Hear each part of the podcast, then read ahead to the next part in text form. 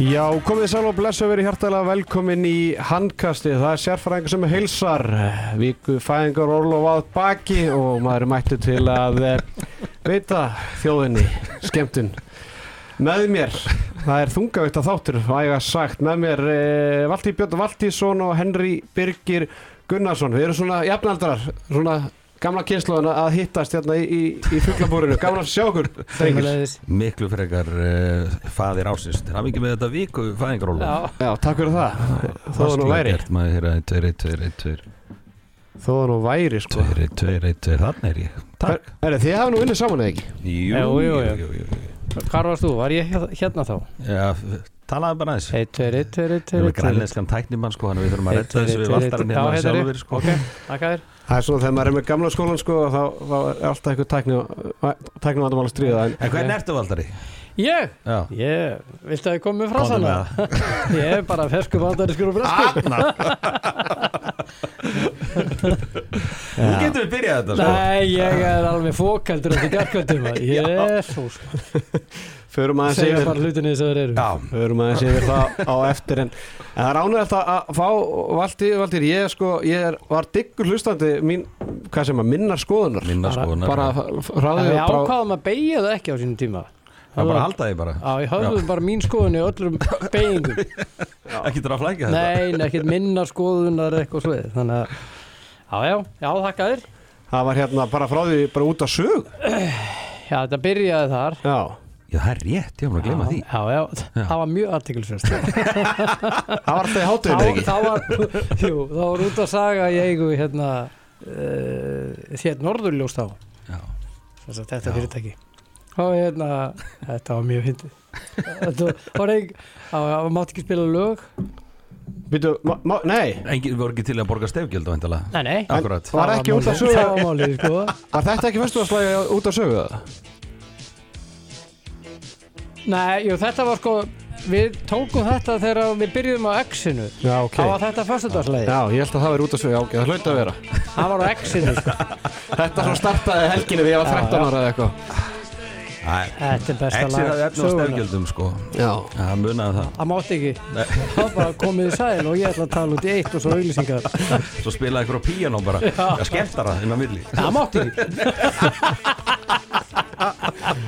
Alveg banna Ekki taka neina sér Þú ert ennþá í þessu, þú ert með, með þinn einn hérna, hvað, hlaðvarst átt og svo ertu náttúrulega að lýsa fullu á, á Viaplay, þýsku deildinni. Já, já, já. Svo ertu hérna, svo heyrði ég að þú líka að kynna að styrtar aðala mistaradeildarinnar í sjóarpinu Turkish já, Airline Já, ég tekka fram, það búið að taka það upp Sko, ég er ekki hverju kvöld í beinni.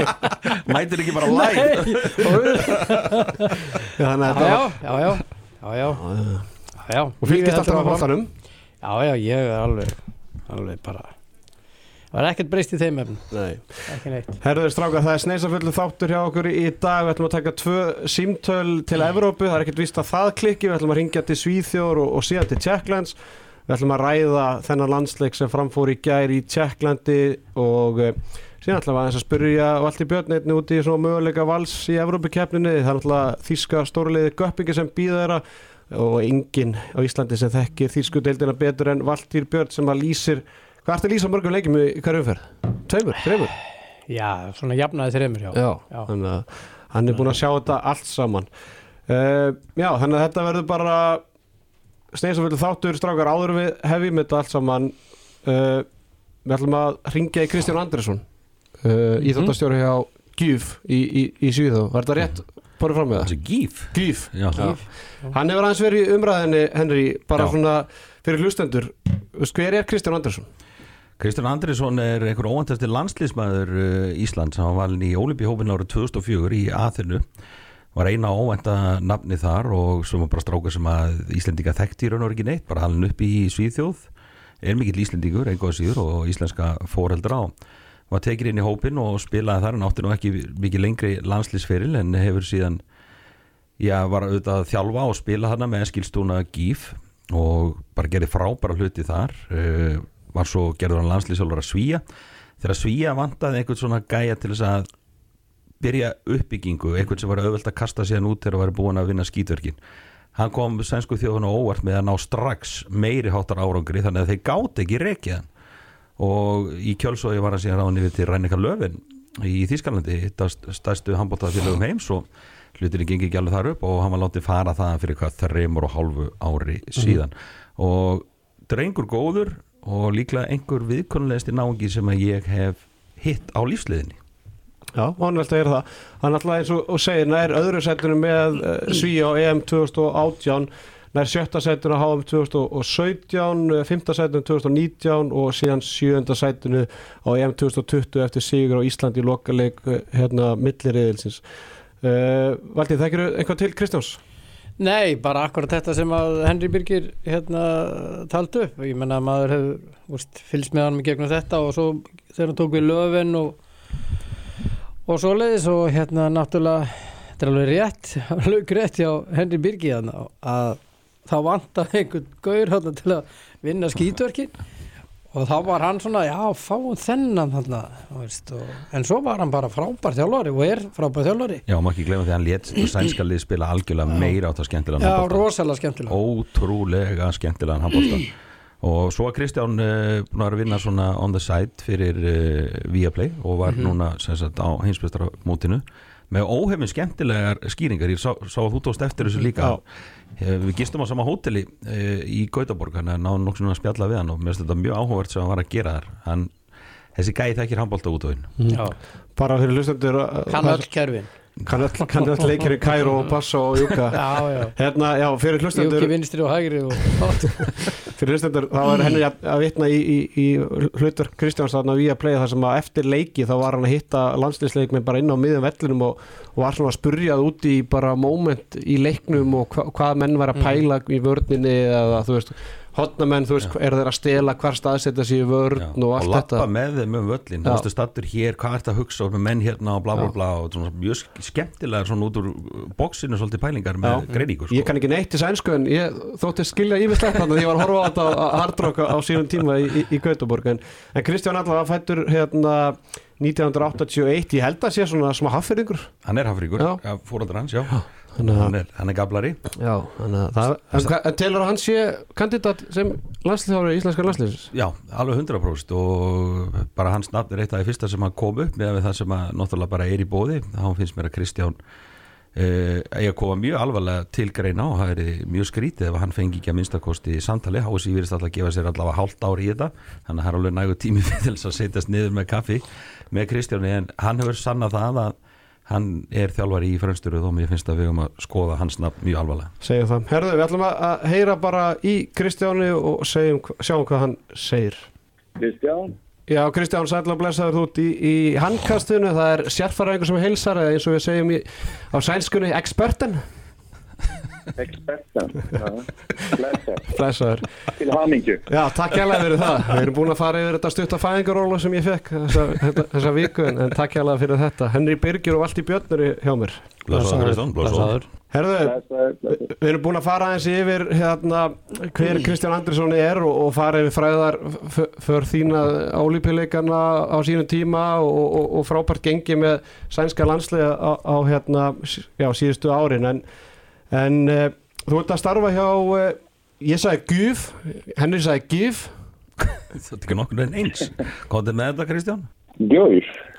Gauð Þetta verður lengra kona. er hérna getur hans líst í bara hvað þú ert að gera hjá hérna sænska úrvastildaliðinu E, já, ég er eiginlega að vinna til þess að við tökum réttu skref í íþrófinu handbólta, bæði með úlingaliðin og e, mektraflokkana hjá okkur. E, þannig að við erum með svona 35 leikmenn á samningi í herra og dömuliðinu og svona 15 um, mannesku sem er að vinna fyrir þjálfari teimi uh, sem ég já, er að vinna með í hverju viku mánuði. Er þetta algengt í, í Svíþjóð? Það er mjög þjóttastjóra. Já, Já, það eh, er það. Mér finnst að sænska deildin er að verða sterkari með fjármálin og eh, það er náttúrulega skiptir einhver máli í hvaða fyrirtækið þú ert. Ef þú ekki ert með góða organisasjón, myndi ég segja, það er stofu, þá er eh, erfitt að taka þessu skref að verða atvinnumennar. og þarna kannski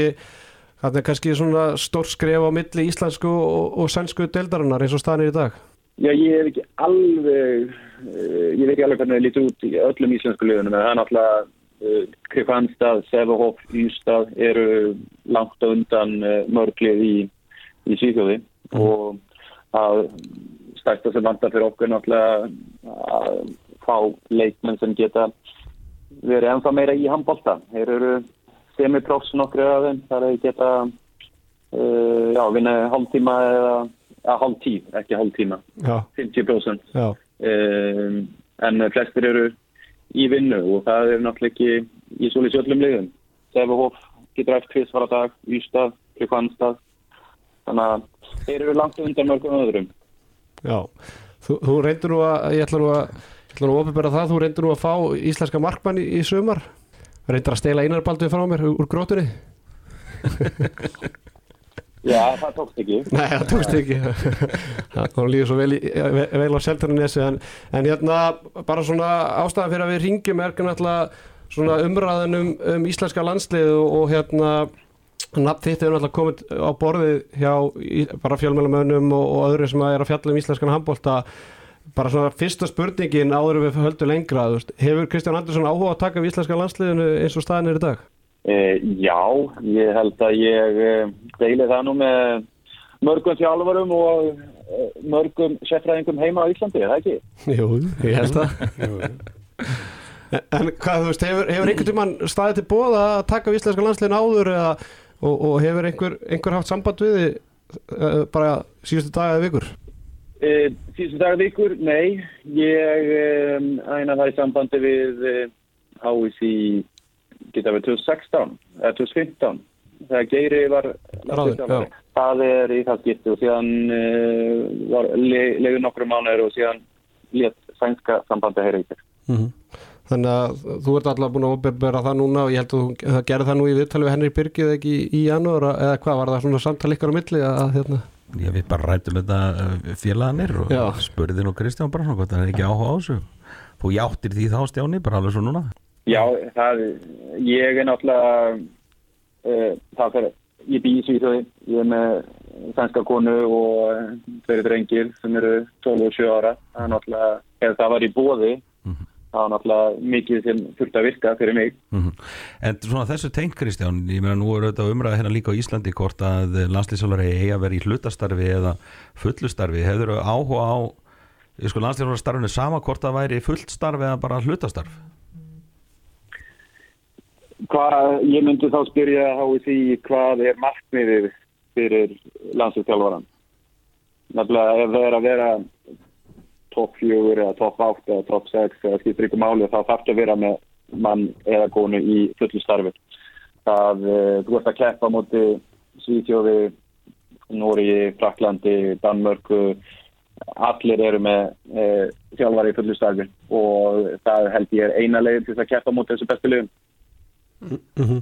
Ertu hérna segjum að, að, að þú fáir símtalið, myndur þú þá vilja stjórna svolítið sjálfur með hvernig teimi myndi vera eða, eða, eða slíkt, þú varst náttúrulega með gott teimi með þér þegar þú varst með sænska landsliði Já, það, æna, það er ótrúlega mikilvægt að það er gott þjálfarateimi kringum landsliðstjálfara. Það er í þessum stórmótum er svo mikill eh, ábyrð og eh, bara pressa frá eh, þér sjálfum og finna utanvert og allu, já, með hvernig það gengur þá æna, er pressan bæði, bæði aðeins minna eða þá miklu meira. En eh, það þarf að vera mannesku í kringum eh, þjálfara, eða landslýstjálfara sem er, eh, já, gerir rosalega fína vinnu og eru voga að vera, eh, hvað ætla ég að segja, honest við eh, landslýstjálfara. Hjálpa honum með því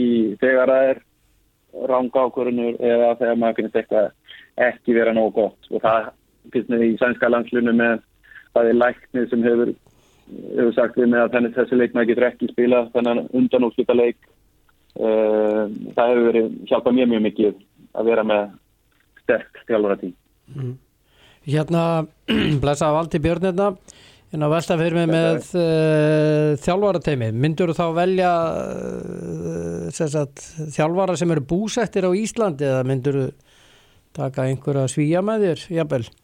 ég myndi nú ekki taka einhverja svíja það er til fullt af góðum æna, bæði fyrir þjálfarum og sjúkrafjálfarum og þjálfarum heima á, á Íslandi. Ef það veri ég sem ekki að velja.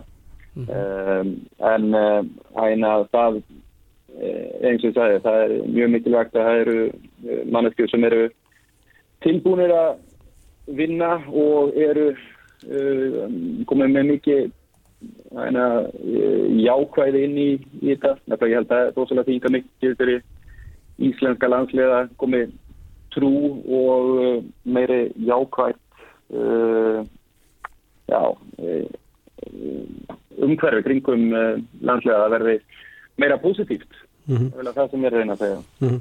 Hérna, mér langar aðeins að- spyrja það út í gengi íslenska landsleis á HM í, í janúar Vendingarna voru miklar, þú náttúrulega varst að vinna hjá Viaplay í Svíþjóð, varst að fjalla mikið um mótið og sérstaklega náttúrulega með, með sænska landslið og, og við náttúrulega lendum þarna saman í, í milliriðli uh, svona einföld spurning, bara fannst þér íslenska liði verið overhypað hérna fyrir mótið? Eh, það er fullt af potential í íslenska landsliðinu og það sem var í janúar í Svíþjóði. Það eh, að fara í undanúslitt er náttúrulega möguleiki en það eru 8-10 landslið sem eru með sama markmið eh, og á þessu móti þá kemur Ómar Ingi og er, er ekki búin að vera að æfa jafn mikið og hann gerði fyrir ári síðan í Magdeburg uh, og Viktor Gítli er búin að vera með basli með uh, meðsli og líka Ímir Örg minna hlutverk í Rænekka löfum með að við þegar liðið spilaði mjög vel hérna í uh, Ungverðalandi Slovakíu. Þannig að það voru nokkri hluti sem uh, gerðu að það kannski ekki jafn góður árangur sem uh, bæði liðið og allir byrjust við. En uh, á sama tíma þá er þetta ekki langt í frá að liðið fyrir í aðeina áttalegu slitt og ekki hefur spilað sem besta bóta. Komur þér óvart að Guðmundur Þóruður hafi verið rekin eftir, eftir mótið? Já, eh, nefnilega hann var að skrifa nýjan samning og ég, nefnilega, ég veit mjög lítið hvað sem hefur skiðið kringum þetta. Þannig að já, það komið að róa. Já, algjörlega. Uh, Strágar, einhverjar spurningar varandi landsliði sem vilja spyrja Kristján að? Nei, það er bara sástu leikir á móti tjekkonum í gær var það sínt í Svíþjóð og ef svo er, hvað fannst þér? Já, ég sá leikin. Uh, nei, ég, uh, þetta er náttúrulega ekki nógu gott fyrir íslenska landsliði og það eru allir leikmenn og þjálfari búin að segja. Uh, við, mér finnst að við gefum tjekkum stórt sjálfsfrið fyrsta kortiri með að uh, fara illa með döðafæri, uh, nokkur, uh, nokkur taknifeila og fá mikið möguleikan að vera nokkra bósta yfir hérna eftir kortir með, með þetta góða uh, vörn og markværslu sem við vorum já, það var ekkert vandamál þeim megin. Þannig að já, ég er náttúrulega eins og leikmennin mjög ásattu við að, uh, að við ekki náðum að skora meira úr þessu döðafærum fyrsta kortir nefnilega þá held ég að þetta hefur verið annan, annan að leikur. Mm. En uh, síðan sést það líka okkur vantar eina skiptu sem getur gert nokkur einföld mörg þegar þessi styrkilegur sem er í íslenska landsliðin að draga út vörnina og, og fara einnum á deginum ekki alveg virka. En þetta tjekka spila alveg rosalega fína 6-0 vörn og eru að, uh, en að fá gísla sem er búin að vera bara outstanding í bískudeldina að missa tempo og ekki finna eina sjálfströystið sem hann er búin að vera að sína í síðast árið. Mhm. Þannig að já, ég átti nú von á að við myndum spila betur sóknarleik en við gerðum. Mér langar aðeins að spyrja þetta út í eitt. Þú horfið náttúrulega á leikin Ístað og, og Valur um daginn í, í Evrópudildinni. Kom geta valsmannar þér uh, á óvart einhver leiti? Uh, fannst sagt, og þá út frá því að bara staða íslensk uh, félagslega bolta? Nei, ekki á óvart. Ég hef nú fylgst með þeim í Evrópu og ég hef, eh, hef möguleikan á að sjá leiki líka frá uh, hæna ólistildinni þannig að ég hef eh, séð þegar keira yfir topplið heim á Íslandi og hvernig þeir gera það að eins og þeir feng grimma vörn og Ístað ekki nú hæna þeir voru ekki spennað og góða sók uh, sköpuð mikið tæknafélag á, á Ísta og þá eru þeir alveg rosalega sterkir með, með það liðið. Uh, þannig að komir ekki óvart, ég er búin að sjá þetta og Ísta við sjálfum að leikurinn myndu, myndu líta svona út og hafa rosalega svona virðingu fyrir uh, valsmenn en náðu samt ekki að stoppa við fyrirháleik. Mhm. En nú voru nú var á Twitter í gær Íslendingarnir fóru náttúrulega hamförum á Twitter eftir þennan dapra landsleik í gær og það voru einhver sem að sögðu akkur settu við ekki bara valslið inn og þeir hefðu rúlað yfir þá. Og viltu segja um svona skemmtileg umæli Nei, þeir hefðu ekki gert það. Það er, uh, ég, hvað var ekki, Óðinn, sá sem er búin að vera að skora mest í, í svona mót sem aðeina uh, valsmenn eru í Já, og ert með Gísla, já, Gísla uh, sem er búin að vera frábær í Magdeburg og Aron var að skora með tíu mörg á móti selje og Viggo var að keira yfir Kíl með Leipzig. Þannig að nei, það er ekki það einfalt. Það eru þeir bestu landsleismenn sem uh, Ísland á, það, þeir voru á vellunum í gæð. Kristján, bara rétt í, í lokin uh, þú náttúrulega, við byrjum samtilega að tala um hérna starf þitt í, í Svíþjóð uh, hjá Gjöf uh, ert að leitast þú sagðist vera með aðgang að horfa á, á leiki í ólustildinni, ert að að horfa í það að reyna að styrkja þitt lið með leikmenni hérna í Svíð uh, til Svíþjóðar og, og öðru, svona önnur spurning Stu, eru möguleika fyrir íslensku liðin að sækja unga og efnilega leikminn á Norðurlöndunum sem að kannski er ekkert rosalega dýrir og, og, og bara myndi hafa gott að því að spila í ólustildinni? Já, það held ég að út af því að það er annað kultúr uh, og það er mjög uh, fyrir þróun á, á leikmennum að, að koma uh, erlendis, þá er það náttúrulega fýtt staður og það eru margir þarna sem eru með góða sé allavega að leikmenn vera betri og betri þannig að verður að vera mjög góða ræðingar heima á, á Íslandi. En uh, síðan er það við erum ekkert með svoleiðs band með eitthvað lið að við getum uh, sleppt einhverjum leikmennum hér ég þarf alla leikmenn sem, sem eru til eðslusuna til að ná okkur í, í að eina úrslita keppnina og væri gætna með meira pening og fjármál þannig að ég geti sótt uh, með dýran Íslanding en ég menna Einar Baldurinn var ekki dýr en uh, hann var virðist fá mjög góða pening í gróttu. Ég já. Þannig ég veit ekki hvað, tók Tóftin Líó myndi ég gætna fá. Nefnilega það er leikmæður held ég er mjög uh, mikilvægur fyrir Íslands landslið í fremtíðinni Já, ég meina þú, það er hár, rétt en, en ég var svona að velta fyrir mig kannski fyrir önnur lið, þú veist, eru sænsku liðin þessi stærstu lið, eru þeir með starri hópa sem eru kannski með leikmenn sem eru númer 18, 19, 20 sem að íslensku liðin ættu kannski að leitast í eða eru þær strákar kannski að spila með einhverjum bjöluðum í, í þriðutöldinni í Svíþjóð eða slíkt? Já, ég, fyrir, það er kannski gott fyrir sænska úlinga en á sama tíma hvað hva pláss taka er þá frá ungum leikmennum heima hjá eina uh, mm -hmm. íslensliðinu. Mm -hmm. Það er uh, náttúrulega nokkru hérna í valsliðinu sem ég sé sem getur spila meiri í önnulið í heima í deltinni. Akkurat. Þannig að já, það eru til leikmenn sem, uh, og það eru til leikmenn í Sæfahof og Ísta sem myndi vera uh, hafa miklu starra hlutverk í, í Gauð en hvað er að hafa í Ísta. Mm -hmm. Þannig að já, það er hægt en uh, ég held að það er mikil vinna og líka ef þú tekur inn útlending þá er stærra ábyrð og að kosta meira. Mm -hmm. Algjörlega. Herðu Kristján Andersson, takk hérlega fyrir að taka upp uh, síman, við köstum kveðu til Svíþjóður og, og við sjáum bara hvað strákarnir í í HSI gera á næstu dögum og, og vikum, en takk hérlega fyrir að, að taka upp tóli og, og gaman að heyri þér. Takk svo með leiðis. Takk, takk. Blóðsóður Herðu strákar, áhugavert símtal við Kristján hann eitthvað svona sem að stakk ykkur í augun eða eitthvað svona sem að koma grófart. Þetta var, mér finnst þetta frábært spjall mm. -hmm. það sem við komum alltaf strax aðtikli er að hann segir að ef við ætlum að vera í heimsklassa og meðal fremstu þjóða heims þá verðum við að ráða þjálfara í fullt starf Já.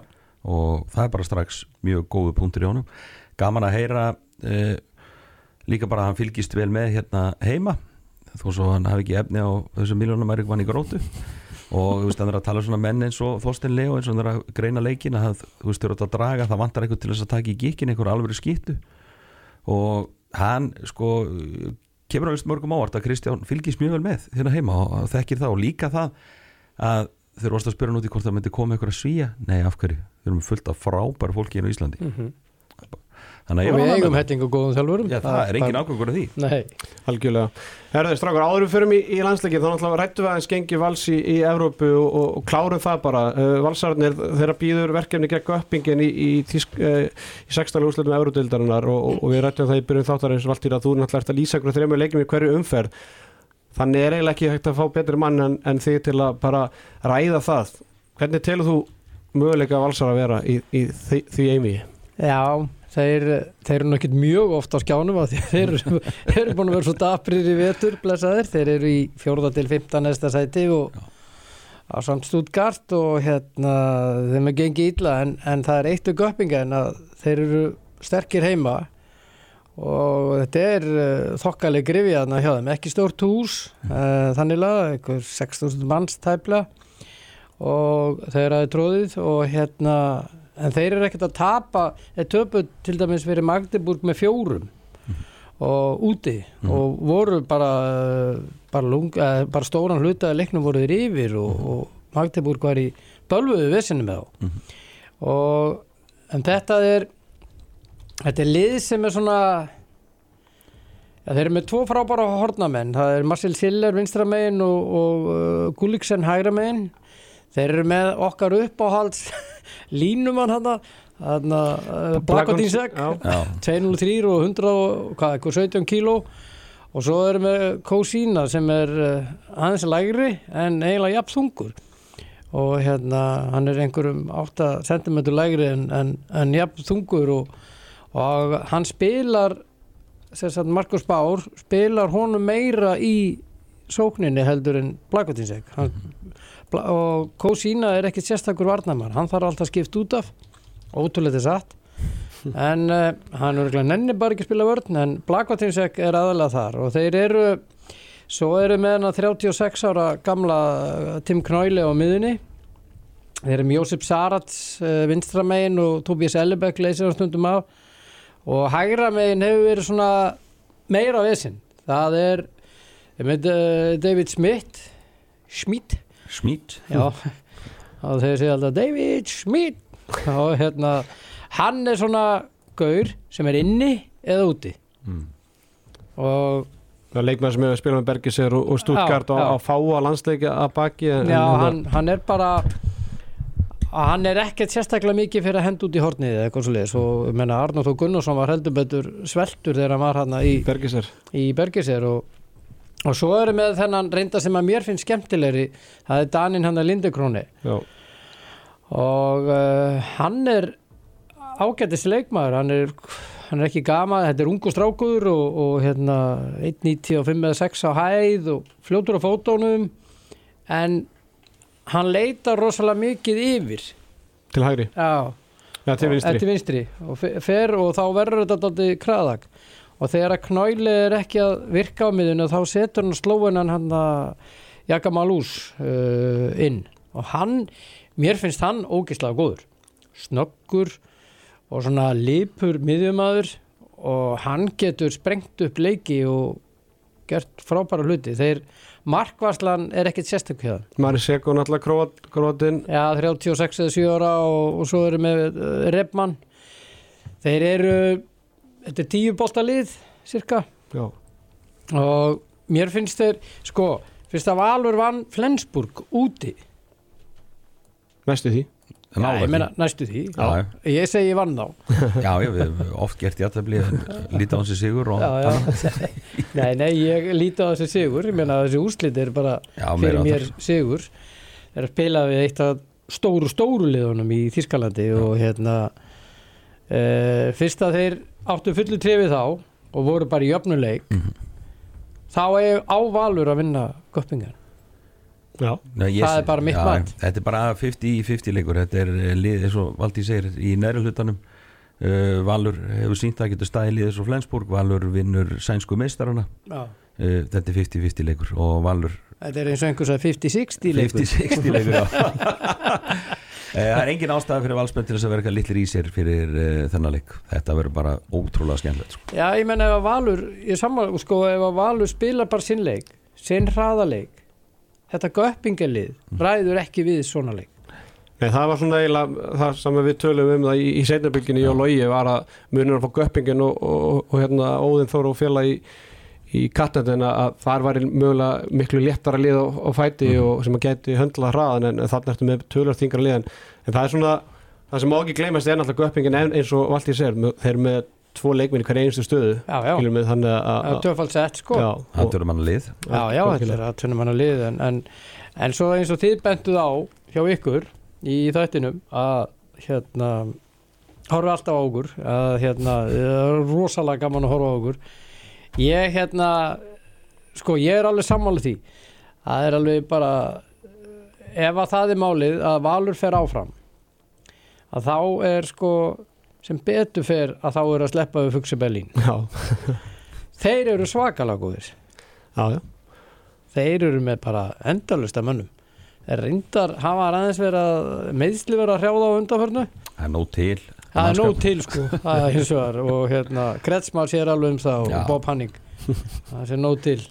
Þannig að við, við talum þetta að vera bara 50-50 möguleikar gegn göppingan já ég ég vil vera gróar í og því segja 60-50 Nei, já, mér finnst það reynda frábæð setting en hérna, ég ætla að vera 55-45 eða 60-40 vali vil. Já, það er ónægt að heyra. Valur spila sinn leik.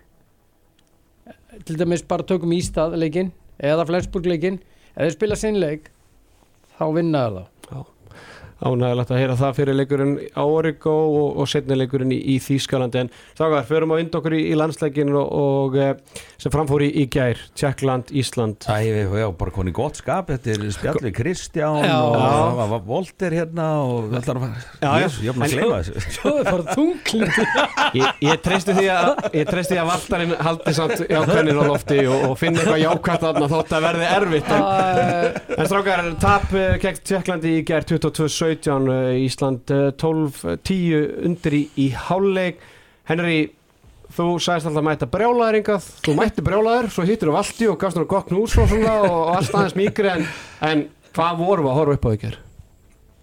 Afróð algjört afróð Já. og bara einhverja verstu framistuðu sem að Íslenska landslið hefur bóði upp á uh, í mjög langan tíma. Vissulega voru hans að horfa tilbaka. Vondi leikir eins og Greikja leikurinn sem hann næstíðu tapaðist hérna fyrir ekkert allt á morgum ári síðan. Akkurat. hann var skelvilegu líka sko. 28-28, 12. júni já, þetta 2019 og rosalega vondur leikur sko. Maður svona einhvern veginn uh, nullar hann. Þetta var náttúrulega bara til að byrja með engan veginn bóðleg framvista frá A til Ö. Og Kristján kom réttilegin á þeir hefðu getað farið langt maður gangur á leiknum með að nýta þessi færi framan af en þeir gera það ekki, þeir skora ekki þeir eru að skapa sér færi framan af á hann að tjekka ná virkilega þétta vördina af hverju skora þeir ekki? Hvað er það, þú veist, það klikkar stundum. En þá er þetta bara veist, þetta er stærri í haustum á mönnum. Já, já. Það er eitthvað það er eitthvað að tröfla þetta lið. Allir komu rosa flottir í viðtöl fyrir leikin, hei, við erum ósátti við hvernig við vorum í janúar, við ætlum að gera betur og sína hvað þetta lið getur.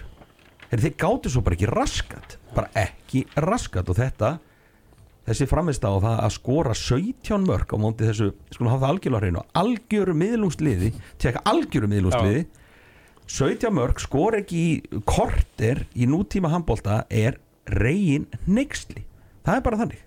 Já, ég er al- algjörlega sammálaður og, hérna, sko, mín tilfinning fyrir þannig leik, auðvitað al- algjörlega sammálaður og, og hérna, að maður svona trúði því sem maður heyrði í viðtölu fyrir leik að menn væri svona vildu sína sig og sanna eftir slæmt gengi og allt það en, en einhver staðar lígur sagan ekki.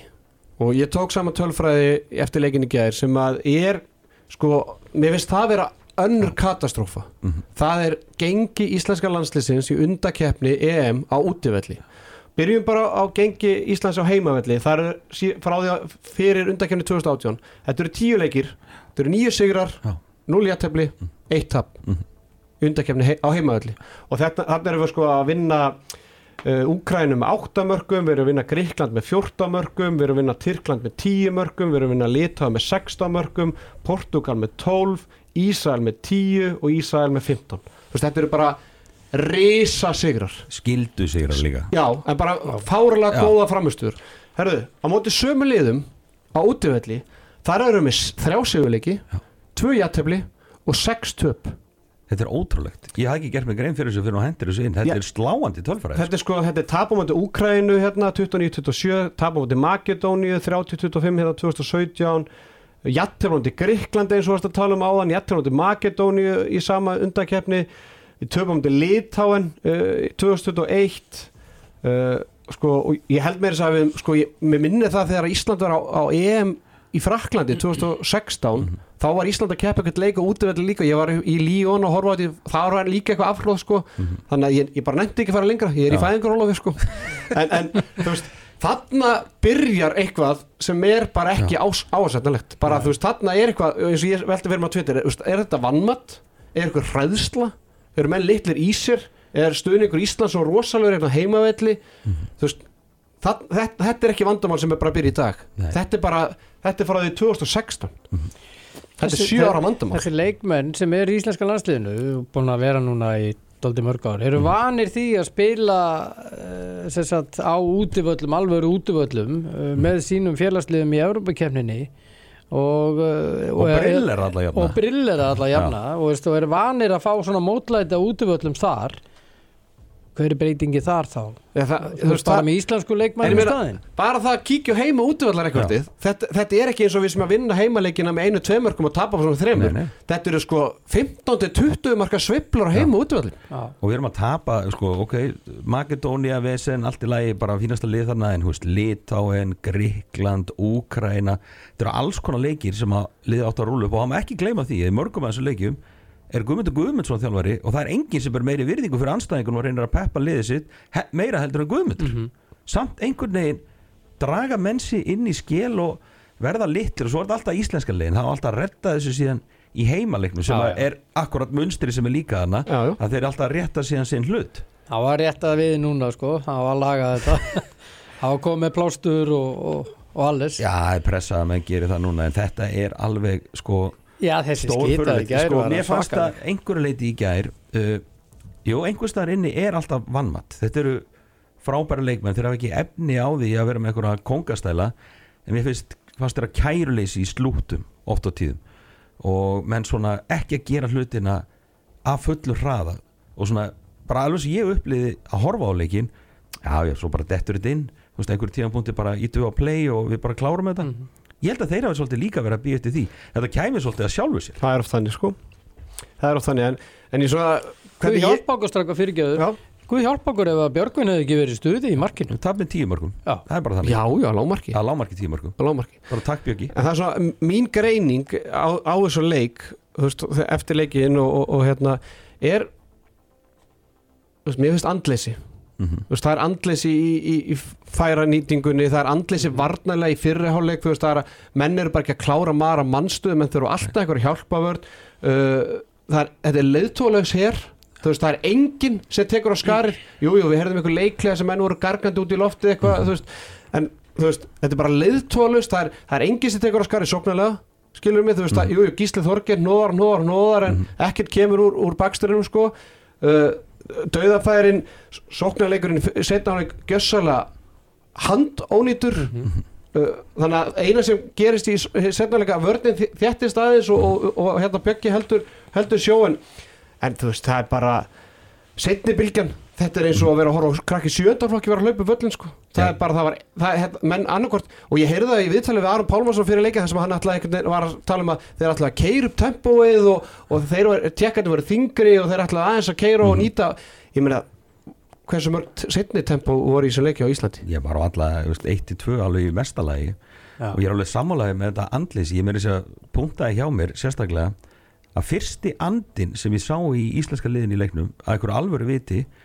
var þegar Bjarki Már skorur á 37. mínútu og minga munn í 13-12 Já, þá bara, heyrðu, vá, þegar þannig er loksins andi þannig er einhver að gefa af sér og öskra og reyna að peppa.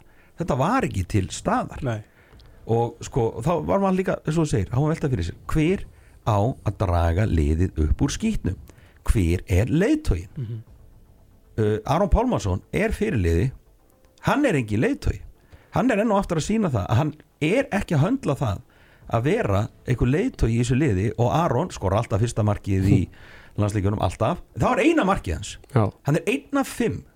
Hann er með að minnstakosti þrjá tapaða bolta. Tvo ruðninga tvo veist, hann bara ævintýralega lélugur í þessu leik. Brjálagur til sjálfa sig annað en við erum búin að býða og býða og býða eftir því að Aron einhvern veginn stýju upp sem þessi leiðtögi sem hann leiði liði áfram en það er ekki gerast. Fyrir mér er Aron bara eiginlega búin að spila sig út sem byrjunleismæður í þessu. Sko, ma markaskori í þessu leik er náttúrulega komist. Viggo Kristjánsson, 7 mörg og 9 skotum. Bjarki Már þá Eilsson eru tíu margt í skiptana eftir það. Já, Bjar, Bjarki Já. með fjögur. Þannig að tveir markastu leikmæðinu með 7 og 4 mörg Svo kemur Sigvaldi, 1-1 Óðinn Þór, 1-4 Aron Pálmarsson, 1-5 Arna Freyr, 1-2 Gísli Þorgir, 1-2 Janus Staði, 1-3 Og síðan var Teitur með 0-1 og Elliði með 0-1 Ég meina Þú veist. En sko, sjáu til. Sko, maður var í hálfleik. 12-10, ok. Og maður sagði við sjálf og sig Vörnin hjælt og svona hitt og þetta og, það sagður alltilega ekki gott. Æ, ég verður, nei, ég sagði Ég sagði bara aldrei lagi mjög vond. Og svo Það er 12-10 í hálfleik Já. Og maður hugsaði með sér, ok Vörnin er að halda, Björk er að verja. Ok, við erum að halda því áfram En við verðum að kveikja í sókninu Og maður hugsaði með sér Þetta getur ekki orðið verri sóknarleikur. Nei. En það komið sjö í setni famous last word. sko, sko sjö og við vorum ekki að klikka döðafærum Nei, Skilum, í fyrraáleik skoruðu það alltaf tíu Já. og klikkum einhverju 5-6 döðafærum en í setnaáleik, við getum ekki við. við getum ekki hortið að, Nei. já við bara heldum áfram að klikka döðafærum við fengum alla færi sko. Nei, þetta var allt, Teitur skot fyrir utan Janus að reyna að skjóta fyrir utan. Hérna, Aron Pálmarsson. Þú veist, einu, einu maður sem fekk færi á 6 metrum í setnaáleik var alveg Viggo. 13. markið okkar kemur á 50 og stóð hvað, þriðju mínútu? Já, annar í þriðu mínútu. Já, Og hann líður eftir ykkur 53 korter, sko. og hérna, ég meina sko staðan var hvað, 2013 og 2113 ekki rétt 2013 Eitthvað svo leiðis hún var 2013 og málið er sko við erum sjö mörgum undirstrákar og þetta er bara að skýta rettingarni í, í lokin sko. Já, já, já, já, en við gáttum samt minkaði Þrjú þrjú í sko. þrjú og en, endar í 5, þannig við Já. þurfum að vinna leikinu á sunnundagi með 6 mörgum Já. ef við ætlum að enda fyrir ofan tjekka. Býtu sko höfuð að skömminni og svo bara horfa á þetta Meina, einhvern veginn eru ná Aron og Gísli ekki að tengja vel saman. Gísli spilar á móti bestilegum í heimi tætir þau í sig. Á móti kemur er að oft er hann að koma í ára sinna þá gengur hann betur að losa boltan í horni og línu. Mhm. við þurfum bara að fara að horfast líka eins í augu við það að strákaðir í landstinu vilja ofta tíðin bara heila ekki gefa boltan og lína og þó svo ég séu með galopin mann það eru þetta bara meiri átt að vandamál. Þegar þú treystir ekki mönnum til að grípa boltan og ert með sendingamenn í sko, heimsklassa gera það ekki, þú veist, kom inn á fórum mennilega tveir í gísla við það var ykkur opinn, hann er ekki að losa. Já, en þegar hann losaði Já. þá kom bara næsti og pakkaði allir það saman sko. akkurat, En þannig en það er svo næsti punktu valdir að því að enn og aftur ætla ég að minnast, minnast á það að þú ert að lýsa öllum, nánast öllum leikjum á Viaplay. Hafði það komið fram veist, ge- Getur aðeins, aðeins líst í bara hvernig er að horfa á Gísla Þorgeð með íslenska landsliðinu og horfa á Gísla Þorgeð með Mætubúr allt annað leikmaður bara. Það er bara svoleiðis. Þetta er, það er ekki það er ekki hægt að bera það saman. En, en leikmenn eins og Ómar Inga, þú veist, þú ert að horfa á Arnar Freyð, þú ert að horfa á Ími Ómar Ingi og Gísli Þorgeir þeir virka svo vel saman. Þeir eru svo, svo eru með vinstramvegin mann sem heitir Philip Weber sem margir er ekki kannski Íslendingar eru að horfa á en hann funkar svo vel inn í þetta hjól. Svo náttúrulega Danan á línunni sem náttúrulega meittu núna. hann er með sokstrúp og það er náttúrulega línuspilið hefur aðeins fa- farið tilbaka hjá með eftir að Ómar Ingi datt út og sokstrúp datt út að því sokstrúp er eh, að mínu viti eitt besti línumadur heims. Hann grýpar allt, næsir alltaf í stöðu þú ítur honum ekkert og, og hérna hann er bara, hann er svo klókur, býtir frábæra hindranir, löglegar hindranir notabenni og hérna sem að við þurftum aðeins að taka til skoðuna hérna í- á Íslandi. En hann er og, og sko Gísli Þorgeir hann nýtur svo góðs að þessu. Hann er reynda með Kai Smith núna en samt heldur Hann hann er búin að áfram. rágetur hann er búin að ágætur, já en hann sendir ekkert inn á línu. Nei, nei, það er allt opnanir fyrir hann og þetta er að ganga mjög vel. Gísli nýtur sín af því að kerfin eru í kringum hann. Hjá okkur er hann alltaf einn skilur Já, og það er enginn sem kemur í follow-up. Næni Og hann er bara látið fara og hann lítur að komast í gegn og það er enginn sem býður sér sikkvara megin við línum að býður sér ekki. Jú, hornamenn er alltaf að býða sér, við vitum það. Það er eins og einhver sagði, þeir eru markagráðustu menninir á vellinum, en sko það er enginn að búa til, þú sérð aldrei þegar að Gísli Þorki fer, eða mjög sjaldan í landsliðinu, að það sé búin til einhvers konar hindrun, hjálparhindrun eða eitthvað slíkt, Sko, mín lýsing er þetta fekk á leikmaðurinn sko. sko, mín lýsing var þetta eins og þú ert að lýsa er, mér finnst landsliði bara að vera stútfullt af einstaklingum já, Jöp, þú veist, þetta er er ekki svoleiðis. þú veist, menn eru ekki að tengja. Ég meina, hversu oft er við, þú sko tjekkandi spila svolítið aggressífa vörna því að ágísla því að þeir voru hrættu við maður mannstöðun og vildu þá ef þau myndu tapa að hann væri ekki bara komin í gegn. Mhm. Þú veist, hvað, hvað þýðir það að þú nær að klippa vartamannin sundur, þá ertu búin að opna eitthvað annað svæði. Hversu oft kemur eitthvað klipping í kjölfarið? Þú veist, akkurat. þetta er alltaf bara gísli fyrir í árás. Já. annarkvært kemur þenni í gegn sem er örsjaldam í íslenska landsliðinu af því að það er alltaf á þeim eða bara fríkast. Já. Skilur það er ekki neitt framhald sem við erum að nýta, við erum ekki að taka klippingu, tvöfaldaklippingu eða hérna, ef það kemur ekki klippingin Magdeburg, Já. þeir eru endalist í þessu. Já, já, þeir fara fram og tilbaka. Já, Þetta eru bara er bara að árásir og, bara svo bara vonaða besta bara veist, treysta á eitthvað einstaklis framtak og svo framvið, svo Gísli náttúrulega bara er ekki nema skuggina sjálfur sér í þessari stöðu, annars sem er náttúrulega mjög áhugavert að því við erum að tala um kannski þetta sé leiðtólust lið, er að eins og í gær þá er rúllað á öllu liðinu og, og menn er að koma inn og maður er svona, það skiptir engum máli hver er inn það er allir með allt á hælun ég meina hversu oft höfum við séð Janustad að koma inn og draga lið að landi í einhverju svona skítalegjum hann bara, veist, hann bara dettur í sama formi og hinn dregur sinni í skil, getur ekki neitt. Bara alveg svo hinn, það getur engin neitt. Þetta er ótrúlega einkennilegt og þá er allir að draga sinni í skil það er engin að peppa hvort annan upp. Og þetta er bara svona þetta er bara svona morgið skiljið, það er bara engin svona það er engin andi yfir neinu Nei. og eh, þetta er já, þetta er mjög einkennilegt. Ég meina, þú veist, tekið leiklið, þriða leiklið, hvað, það var 12 mínútur eftir, 11 og 12 og varum, sé, við varum ekki til, já, við varum bara í ömulegu málum. Settur Stífen inn á. Okkur ekki fyrr. Ekki var, ekki var Bjarki, Bjarki Mára að, að hérna. Nei, ég meina, þú veist, á, þú veist á, það er 12 mínútur eftir, þú ert einhver sjö mörgum undir og það er allt í steik hann inn á. Fyrir að fyrsta, okkur leiklega get ekki fyrir. Ok, þú tekur hann en það er 12 mínútur eftir. Þú ert ekki að minna upp mikið af sjö mörgum á 12 mínútum í þessari grifju, sko. Besta fallið tvö mörg eins og gerðist, gerðist, eins og gerðist. Ef þú ætlar að gera þetta almennilega þá, byrjar, þá tekur þetta leikli fyrr fyrir að fyrsta sko. Þetta er spurningum að lesa salin sko og í alvöru tala. Og þú verður að, að mér finnst líka sko þeir tölum þjálfarnir eftir leikin er alltaf að tegja á. Já, já. Aron talaði líka um það, þetta teikt rosa vel á þeim. Og hvað svo? Það var gaman að þið skulu eh, minnast á það því að það er bara komið að því að við heyrum í Águsti Jóhanssoni einum að þjálfara íslenska landsliðsins og, og það er einmitt eina spurningunum sem að ég ætla að spyrja hann að bara hvert var upplegið og, og tekt bara upp í stúku. Já, Ekki er hægt að tengja símtalið. Hanna, þannig eru við allir eru að tala saman Það laut að koma þess að grænleinski skildi aðeins aðeins klikka á þessu það vantaði tölustof sko. takk nú að það eru beinni útsettingu Er, er Gústi með tjekknest sínkort eða bara gamla númer? það er gamla góða nó, nóa númerið sko. kerfið að borga núna hlýtur þetta að koma Já, þetta kemur alltaf með kalda á henni já, já alltaf heyra ringingu Það er skemmtilegt, sko. Það er spennandi Er svarað? þetta er ekkert óvilegt að myndi ekki svara sko. Já, Ágúst Þór Jóhansson takk ég að fyrir að taka upp uh, fónin út í handkastinu, það er Arnaldur Arnarsson sérfræðingur sjálfur og Henry Birgir og, og Valtýr Björnur hérna hjá mér. Við erum búin að fara eins yfir tapi í gæri í Tjekklandi fyrsta spurning bara svona, hvernig er andlega líðan? hún er svo sem eh, bara oft er betri. Við hérna erum búin að melda þetta aðeins og horfum á leikin í, sett upp á hóteli og, það er margt sem að, að við getum gert betur og, og, og þurfum að nota næstu dagi það Við vorum að enda við að tala um aðeins um sóknarleikin og, og þið töluðum það í viðtali fyrir leik og Ára Pálmarsson líka að það átt að tegja eins á tjekkunum.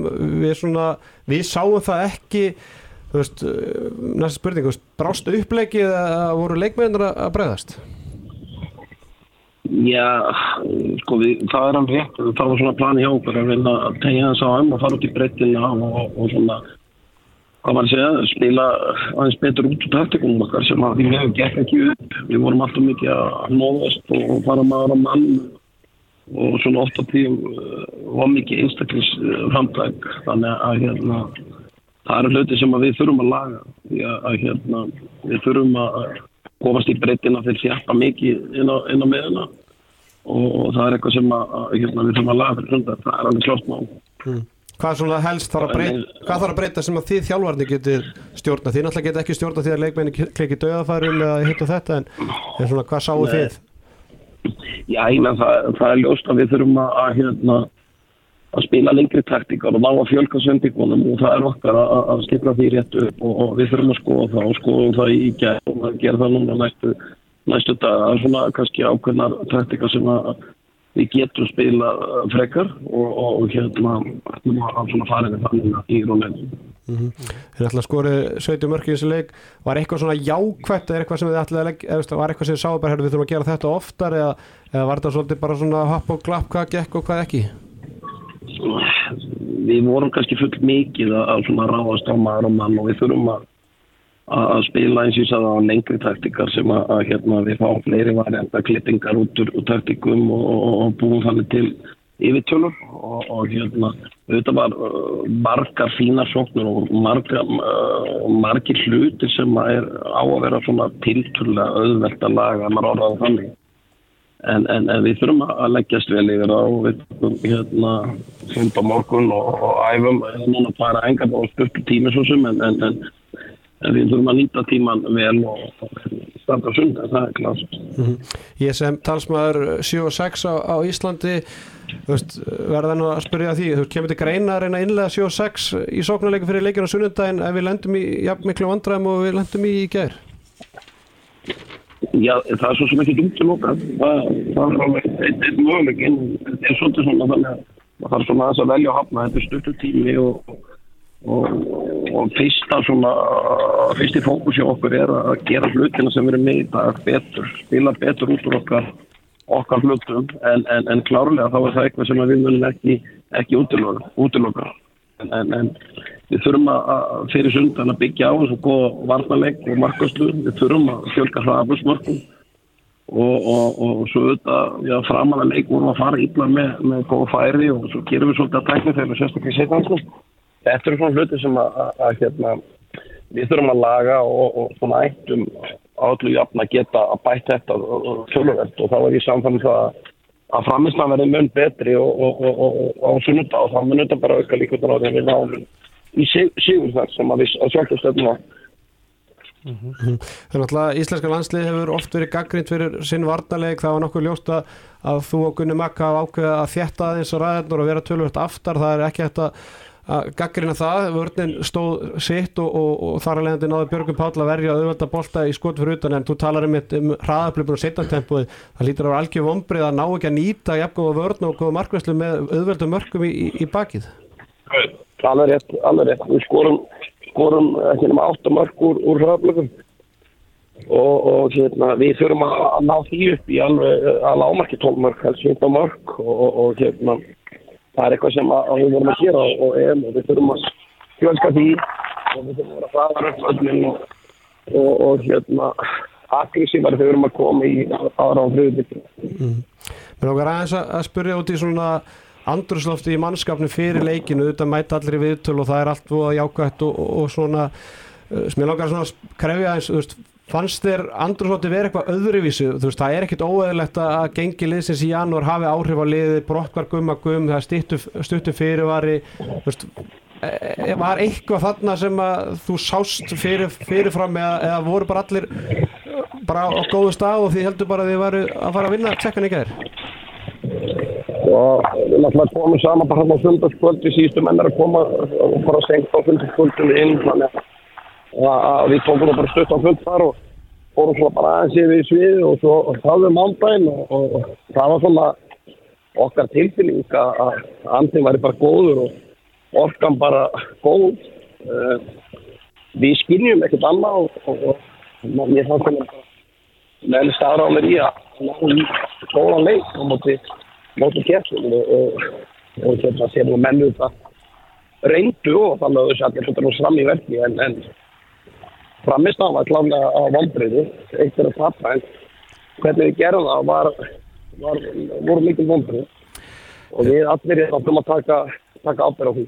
Eh, Þið Gunnar auðvitað stíð inn í þetta bara með tildulega litlum fyrir voru Anna, hvernig var bara svona frá persónlegu sjónamið, hvernig var þetta fyrir ykkur Gunnar að þurfa að stíga inn í þetta verkefni, lenda í þessum ógögum Anna, hvernig svona var þessi upplifun sem að þið vorum nættalega vonast eftir er þið talsett jákaðari heldur hún varð?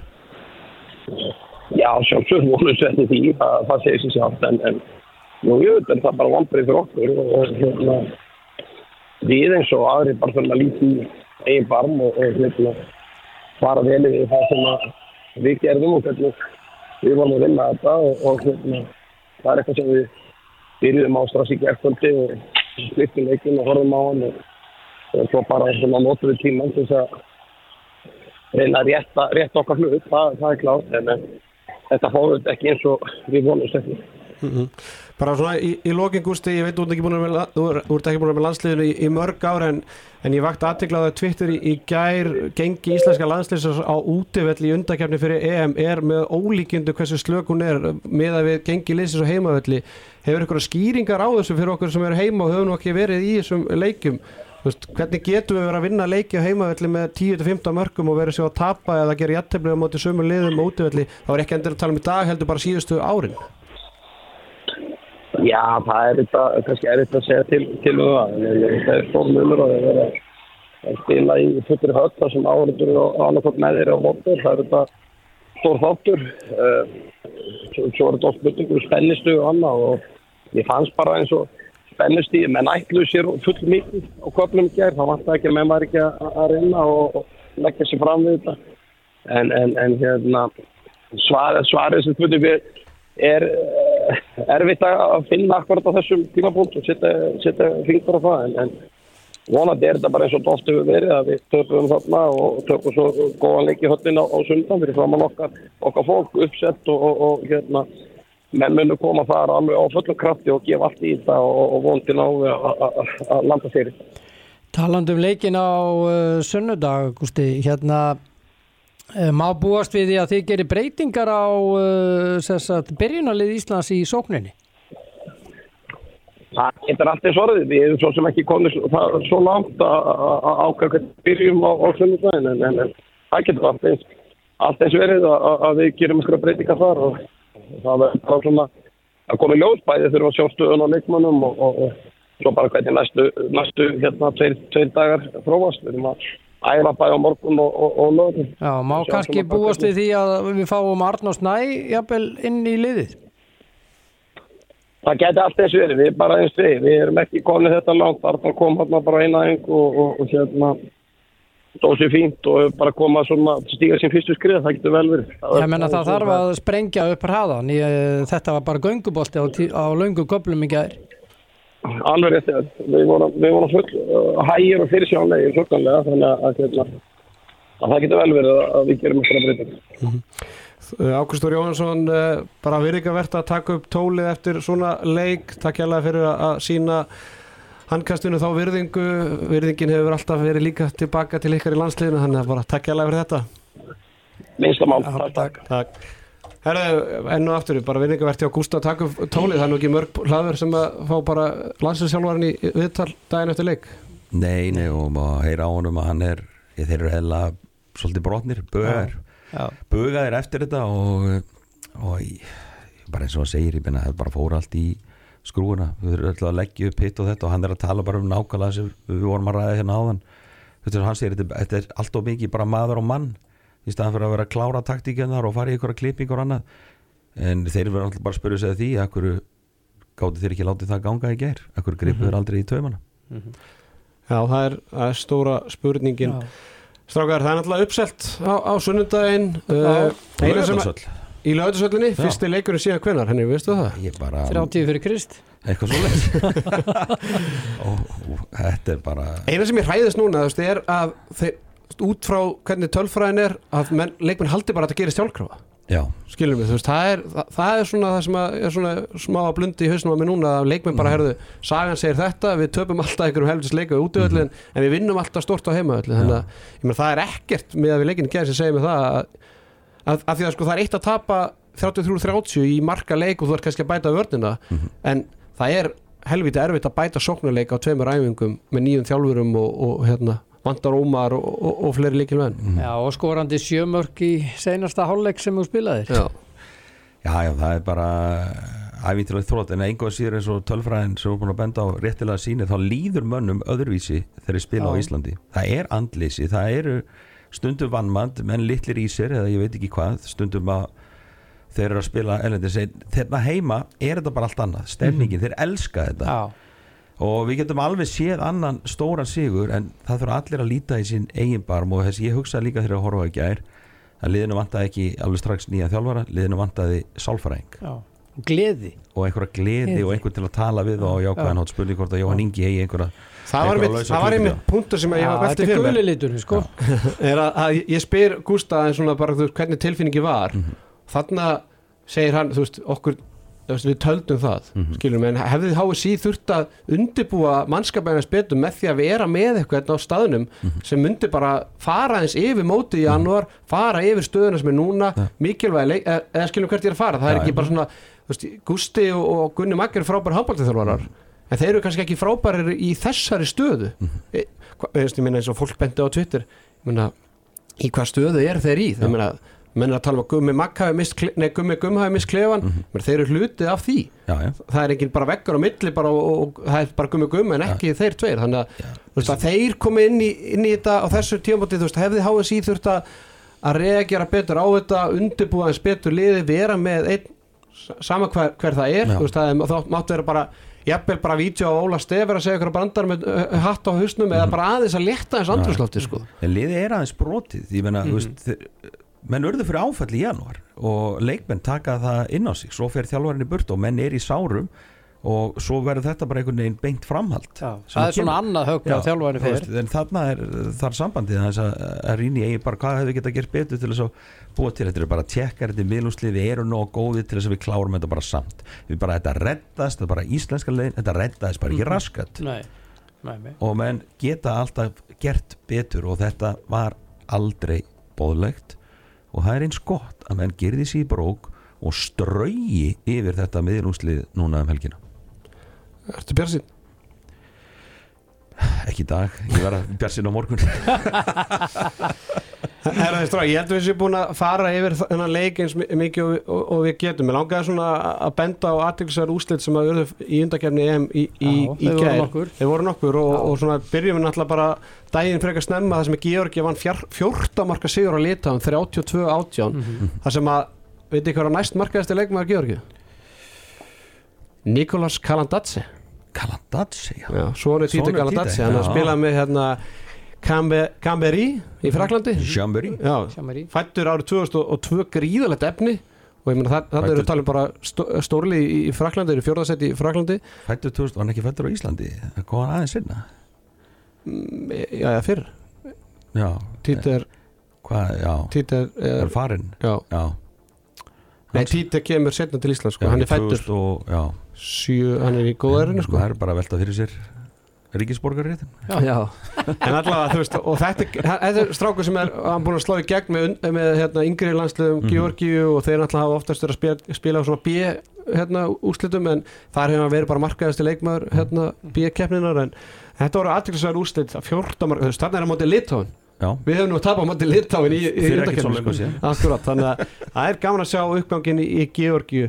Uh, Færingarnir, þeir náttúrulega vinna Rúmeníu 28-26 á heimavelli. Það er ekki náttúrulega. Stórkostlegt. Já, stórkostlegt. Stórkostlegt að fylgjast Já. með þessum uppgangi í í færi Íslenska landslíki er hefði ekki unni færi Pælt Í færi Við erum það. Hvena fáum við langar bara færi að benda- undakefni Já, Já, það eða dásamlegt. eða eitthvað svona alvöru það sem við fáum bara með okkur. Sko, takk eftir þessu. Hákon Vest af Teigun markaðasti leikmaður færi að gera með 11 mörgu 12 skotum Já. fættur árið 2002, leikmaður Skanneborg í, í Danmörk Mhm. Elias Elefsson á Skipagötu fættur 2002 Hann er var fættur næst, Kíl hann á leiði Kíl næst markaðist með 5 mörg og Óli Mittun Já. fættur 2005 Mhm. var einnig með 5 mörg Já. þannig eru þrýr markaðasti leikmaðurnir eru fættur 2002 2002 2005 meiri hátar Björn Já, Framtíðan á er bæði Óli Mittun og, og, og skipagarnir eru náttúrulega í Savuhof í, í Svíþjóð en eins og Valtýr bendur réttilega á að Elias Elefsson er á leiðin til Kíl. Niklas Satsvel var með 8 varða bolta og 36% markvæsli í, í, í marki færinga sem eru núna bara það, það, þetta er alltaf fjörulega reyðlar mm. efstaliði er með fullt úr stig og svo en eru tvölið með, henni þrjúlið með tvö stig þannig að þetta var gríðarlega mikilvæg sigur fyrir færingana og, og það var bara tróðfull höll í, í hérna, hálsi. Já. hálsi, já, Eh, áður við klárum þetta, við glemdum nefnilega að minnast á það. Hversu mikilvægt það er að vinna þennan leik með sex mörgum um helgina því að ef við gerum það ekki þá erum við ekki efsta styrkleikaflokki fyrir akkurat. mótið, ef við vinnum með sex mörgum þá erum við að losa okkur við frakka spánir að Dani og svo framvegis. Og það er raun og veru er nánast eins og voru að koma með tvö stig í, Í já. í milliril þannig að þetta er ótrúlega mikilvægt og þess vegna er þessi skýta ekki er ennþá sárari. Já, það er skott að menn gerir þessi í brók já líka það að við vorum í tækifæri til að vinki þrjú.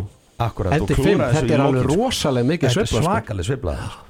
Uh, og svo í lokin þá var óvæntu sigur hjá hollendingar sem unnu 5 marka sigur á Króatum 32-27, Kai Smits liðsfélagi hérna Ómars og, og, og Gísla var markaðarstur að vanda með 8 mörg og Luke Steins með 6 við náttúrulega benda hlustöndum á Dominik Kuzmanovic, markverð Króata fættur árið 2002 uh, var með 8 varða bolta 47% markvæslu, hann leisti af Marin Seko leikmann Göppingi sem við rættum um á hann þetta er einhver efnilegasti markmæður í heimi. Mm. Veistu, við erum- það er talað um Viktor Gísla sem er alltaf 2000-mótel Hann er tekið að Viktor Gíslas efnilegasta Já, markmann í heimi. Og þetta er, hann er í, í Nexe sem er í, í, í, hérna, í Kroatíu og, og er það ekki mögulegir anstæðingar vals eða þeir vinna göppingar? Er þeir eru í þessari Já, frábært. Púlju, Já, já, já. þannig að það væri gaman að- fylgjast með þessum. Dominik Kuzmanovic, þetta er gríðalegt efni um, aðra frétti vikuna er alltaf Guðmundur Hólmar hann var stað, staðfistur í haugana stjárfræðingur var löngu búin að lega hlustöndum að, að vita af þessu fyrir hefðkvöndum hann í, í janúar. Þetta er eldgömmul frétt. Elgumil frétt. Hóvær sem fyrir sérfræðingur líka. Já, þannig að ég er búin að tilkynna það nú þegar að Monsi er á leiðin í, í, í val og Steven, hann verður ekki í val á, á næsta ári. Ég ætla, að koma með félagið í næstu viku sem að Stíðan fyrir í. Já, hann er búin að skrifa undir. Já, ef hann fyrir í Vesprem er hann bara með Bjarka eða Bjarki að fara.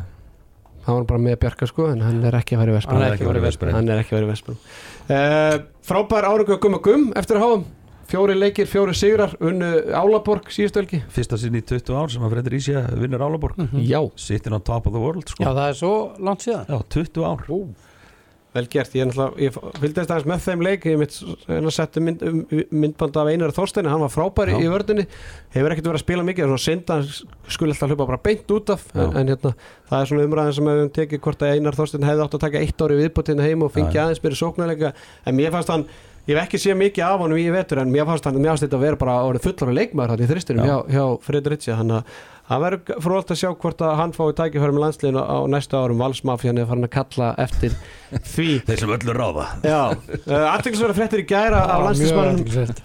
Ólega Gummundssoni og leiðin til Karlskróna sem er uh, í fyrstu deildinu, næsta efstu deild í, í dag er í öðru sæti, fyrsta liði fyrir beint upp og annað sæti fyrir í umspil með öðru og þr eh, þriðja og fjóra sætinu pluss liðanum í, fyrir ofan.